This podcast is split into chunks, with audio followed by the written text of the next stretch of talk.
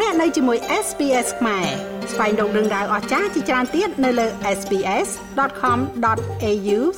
ខ្មែរ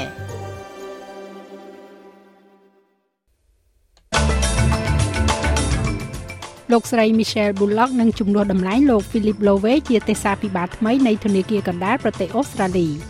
ព័ត៌មានរដ្ឋាភិបាលរដ្ឋ Victoria ដែលមានភាពរសើបខ្លាំងត្រូវបានគេលួច Hollywood ត្រូវបានបិទដោយតារាសម្ដែងចូលរួមបាតកម្មជាមួយនឹងអ្នកនិពន្ធ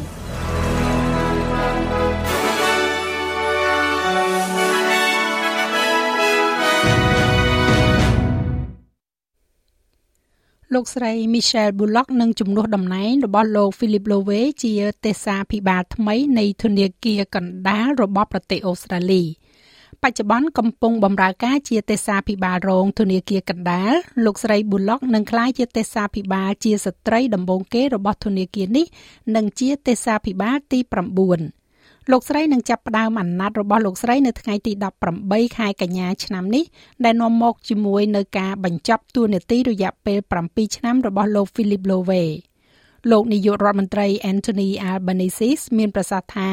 ការតែងតាំងរូបលោកស្រីនេះគឺអនុវត្តតាមដំណើរការដ៏តឹងរឹងរួមទាំងការពិគ្រោះយោបល់ជាមួយនឹងគណៈបកប្រឆាំងផងដែរ Michelle will be the first female governor since the independent Michelle នឹងក្លាយទៅជាទេសាភិបាលស្រីដំបូងគេចាប់តាំងពីធនាគារកណ្ដាលដែលឯករាជ្យនេះត្រូវបានបង្កើតឡើងក្នុងឆ្នាំ1959បន្ទាប់ពី74ទសវត្សរ៍នៃការបម្រើការនៅ ABA នាពេលថ្មីៗនេះក្នុងនាមជាទេសាភិបាលរងលោកស្រី Bullock មានលក្ខណៈសម្បត្តិគ្រប់គ្រាន់ដើម្បីដឹកនាំស្ថាប័នជាតិនេះ។ ជាមួយគ្នានេះលោកស្រី Penny Wong កំពុងតែជំរុញឲ្យមានសកម្មភាពលឿនជាងមុនទៅលើការដាក់ទណ្ឌកម្មពាណិជ្ជកម្មរបស់ចិនទៅលើការនាំចូលរបស់ប្រទេសអូស្ត្រាលីក្នុងជុំទី2នៃកិច្ចពិភាក្សាជាមួយនឹងអ្នកការទូតកម្ពុជាចិន គឺលោក Wang Yi កិច្ចប្រជុំរយៈពេល1ម៉ោងបានធ្វើឡើងនៅខាងក្រៅកិច្ចប្រជុំរដ្ឋមន្ត្រីការបរទេសអាស៊ាន នៅទីក្រុងហ្សាកាតាជាទីដែល ឧបសគ្គពាណិជ្ជកម្មគឺជាបញ្ហាសំខាន់មួយដែលត្រូវបានពិភាក្សាប្រទេសចិនបានដាក់ទណ្ឌកម្មពាណិជ្ជកម្មលើផលិតផលអូស្ត្រាលីដែលមានតម្លៃ20,000លានដុល្លារក្នុងឆ្នាំ2020ប៉ុន្តែចាប់តាំងពីពេលនោះមកបានបកត្រឡប់វិញលើការរឹតបន្តឹងនឹងការនាំចូលឈើនិងធ្យូងថ្មលោកស្រីវងមានប្រសាសន៍ថាលោកស្រីរំពឹងថាការរឹតបន្តឹងទាំងនេះនឹងបន្តបន្ធូរបន្ថយបន្ថែមទៀត Uh, it was a frank conversation, uh, and it was a conversation វាគឺជាការសន្ទនាដោយត្រង់ត្រង់ហើយវាគឺជាការសន្ទនាដែលបញ្ហាមួយចំនួនត្រូវបានលើកឡើងប្រកាសណាស់តកតងទៅនឹងឧបសគ្គពាណិជ្ជកម្មខ្ញុំបានទទួលស្គាល់វឌ្ឍនភាពដែលយើងបានឃើញក្នុងប៉ុន្មានខែថ្មីថ្មីនេះហើយបានរំលឹកឡើងវិញនៅការរំពឹងទុករបស់យើង ថាវានៅតែបន្តថាវឌ្ឍនភាពនេះបន្តយើងជឿថាវាជាផលប្រយោជន៍របស់ប្រទេសទាំងពីរសម្រាប់ឧបសគ្គពាណិជ្ជកម្មដែលត្រូវតែដកចេញ។ កោះសូឡូមុនបានបដិសេធការលើកឡើងថាកិច្ចព្រមព្រៀងត្រួតពិនិត្យសន្តិភាពរបស់ខ្លួនជាមួយនឹងប្រទេសចិនគឺជាការគំរាមកំហែងដល់សន្តិភាពនៅក្នុងតំបន់ប៉ាស៊ីហ្វិកដោយនិយាយថាកិច្ចព្រមព្រៀងនេះនឹងពង្រឹងសមត្ថភាពរបស់ខ្លួននៅក្នុងសន្តិសុខអ៊ីនធឺណិតនិងប៉ូលីសសហគមន៍ អូស្ត្រាលីសហរដ្ឋអាមេរិកនិងនូវែលសេឡង់បានអំពាវនាវឲ្យកោះសូឡូមុនចេញផ្សាយភ្លាមភ្លាមនៅព័ត៌មានលម្អិតនៃកិច្ចព្រមព្រៀងត្រួតពិនិត្យសម្ដាប់ធ្នាប់រយៈពេល3ឆ្នាំដែលបានចុះហត្ថលេខានៅទីក្រុងប៉េកាំងកាលពីថ្ងៃច័ន្ទរដ្ឋមន្ត្រីក្រសួងប៉ូលីសរបស់ប្រទេសចិននិងកោះសូឡូមុនបានបញ្ចប់កិច្ចព្រមព្រៀងនេះក្នុងអំឡុងពេលកិច្ចប្រជុំកាលពីថ្ងៃអង្គារ។ ប្រព័ន្ធផ្សព្វផ្សាយរដ្ឋរបស់ចិនបាននិយាយថាកិច្ចព្រមព្រៀងនេះនឹងលើកកម្ពស់កិច្ចសហប្រតិបត្តិការប៉ូលីសនិងការអនុវត្តច្បាប់របស់ប្រទេសចិនដល់កម្រិតថ្មីមួយបកមកក្នុងរដ្ឋ Victoria វិញព័ត៌មានរដ្ឋាភិបាលរដ្ឋ Victoria ដែលមានភាពរសើបខ្លាំងត្រូវបានគេលួចក្នុងអំឡុងពេលការវាយប្រហារតាមអ៊ីនធឺណិតទៅលើក្រុមហ៊ុនច្បាប់កម្ពុជាមួយត្រូវបានបែកធ្លាយទៅកាន់គេហទំព័รงងឹត ទិន្នន័យនេះត្រូវគេយកបានក្នុងអំឡុងពេលការលួច hack ចូលទៅក្នុងក្រុមហ៊ុនច្បាប់ HWL Ipswich កាលពីដើមឆ្នាំនេះរដ្ឋាភិបាលរដ្ឋ Victoria និយាយថាព័ត៌មានដែលលួចបានរួមមានឯកសារដែលមានភាពរសើបខ្លាំងពីឯកសារផ្លូវច្បាប់ជាមួយនាយកដ្ឋាននិងទីភ្នាក់ងាររដ្ឋាភិបាលរបស់រដ្ឋ អ្នកនាំពាក្យនិយាយថាខ្លួនកំពុងធ្វើការជូនដំណឹងដល់អ្នកដែលរងផលប៉ះពាល់ទាំងអស់ឲ្យបានឆាប់តាមដែលអាចធ្វើទៅបានប្រធានផ្នែកសន្តិសុខព័ត៌មានរបស់រដ្ឋ Victoria លោក David Cullen មានប្រសាសន៍ថាมันមានការរំលោភដោយផ្ទាល់ទៅលើប្រព័ន្ធ IT របស់រដ្ឋាភិបាលរដ្ឋនោះទេ តារាសម្ដែងនៅសហរដ្ឋអាមេរិកកំពុងទាមទារលក្ខខណ្ឌប្រតិវត្តប្រសើរជាងមុននឹងការសន្យាថាគ្រឿងសព្វនិមិត្តនឹងមិនជំនួសការងាររបស់ពួកគេឡើយខណៈដែលពួកគេចូលរួមក្នុងកោតកម្មអ្នកនិពន្ធរបស់ប្រទេសនេះវាគឺជាកោតកម្មរួមលើកដំបូងក្នុងរយៈពេលជាង6ទសវត្សរ៍មកហើយ។សមាជិកនៃសហជីពការងារអាមេរិកសមាគមអ្នកសម្ដែងលើអេក្រង់ SAG ដែលតំណាងឲ្យអ្នកសម្ដែងជាង160,000នាក់ រួមទាំងតារាសម្ដែងទូរទស្សន៍អ្នកកាសែតបុគ្គលិកវិទ្យុកំណត់ថានឹងចូលរួមនៅក្នុងកោតកម្មនេះ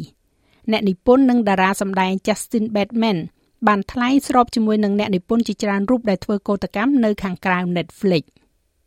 And I want to say the greed that has consumed these people ហើយខ្ញុំចង់និយាយថាភាពលោភលន់ដែលបានលេបត្របាក់មនុស្សទាំងនេះ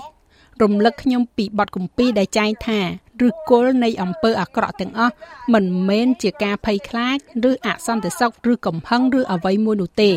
វាគឺជាការស្រឡាញ់លុយខ្ញុំគិតថាយើងកំពុងមើលឃើញរឿងនោះលេចចេញមកហើយ។ប្រធាន SAG និងជាតួសម្ដែងរឿងកំ pl ែងក្នុងទសវត្សរ៍ទី90លោក Fran Drescher ក៏បានថ្កោលទោសអាកប្បកិរិយារបស់នាយកប្រតិបត្តិ Hollywood ថាជាមនុស្សលោភលន់និងគួរឲ្យស្អប់ខ្ពើមផងដែរ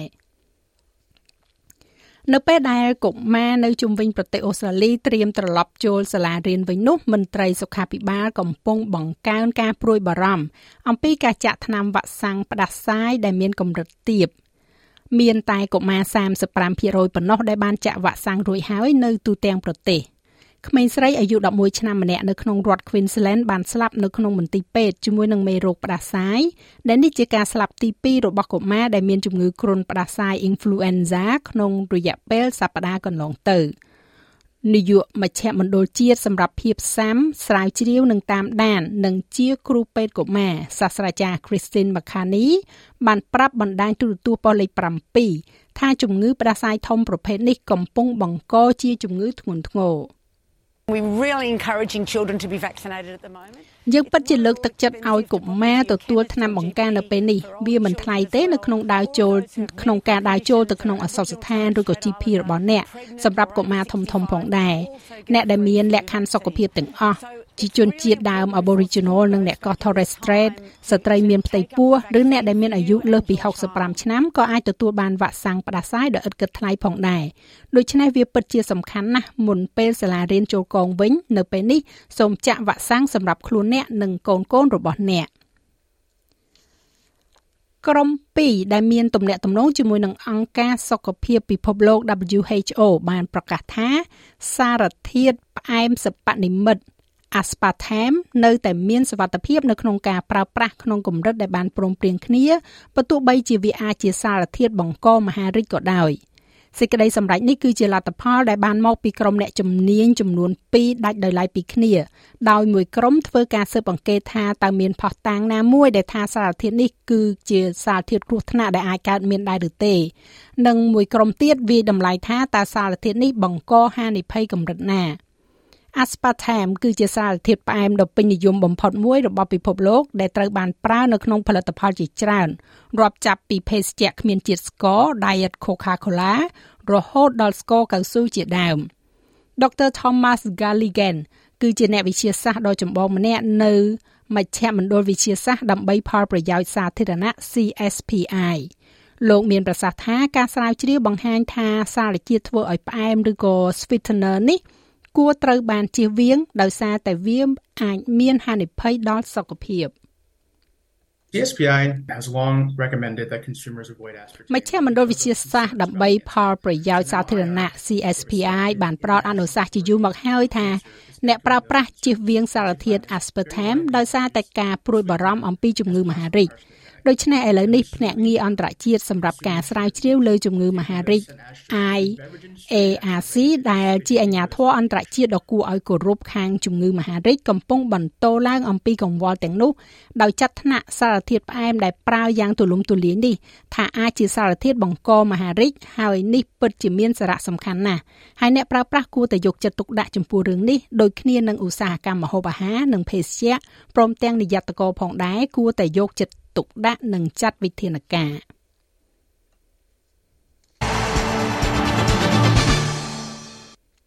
នៅក្នុងព័ត៌មានកីឡាបាល់ទាត់អ្នកការពាររបស់ក្រុម Matildas នាង Ellie Carpenter និយាយថាអ្នកនាងមានអារម្មណ៍រំភើបណាស់ដែលបានលេងនៅចំពោះមុខអ្នកគាំទ្រជាង50000នាក់ក្នុងទីក្រុង Melbourne ក្រុម Matilda នឹងជួបជាមួយនឹងបារាំងនៅក្នុងការប្រកួតមិត្តភាពក្នុងទីក្រុង Melbourne នៅយប់នេះដោយសម្បត់បានលក់ដាច់អស់ហើយដែលនេះនឹងក្លាយទៅជាកំណត់ត្រានៃការចូលរួមរបស់អូស្ត្រាលីសម្រាប់ការប្រកួតបាល់ទាត់នារីហើយកំណត់ត្រានោះទំនងជាមានរយៈពេលតែមួយសប្តាហ៍ប៉ុណ្ណោះដោយគេរំពឹងទុកថានឹងមានមនុស្សជាង80000នាក់សម្រាប់ការប្រកួតបើកឆាក World Cup នេះ។ ចំណែកឯអត្រាប្តូរប្រាក់វិញនៅថ្ងៃនេះ1ដុល្លារអូស្ត្រាលីមានតម្លៃដល់ទៅជិត69សេនដុល្លារអាមេរិកត្រូវនឹងជាង2800រៀលប្រាក់រៀលខ្មែរ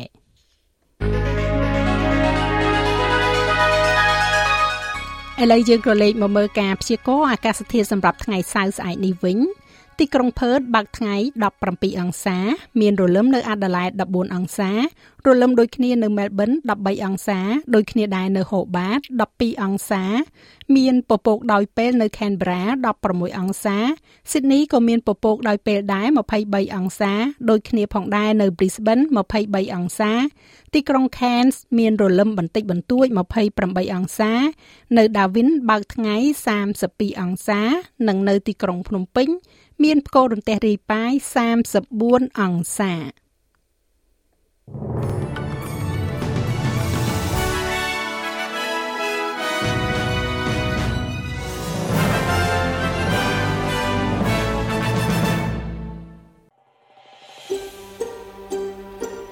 ចង់ស្ដាប់រឿងក្រៅបែបនេះបន្ថែមទៀតទេ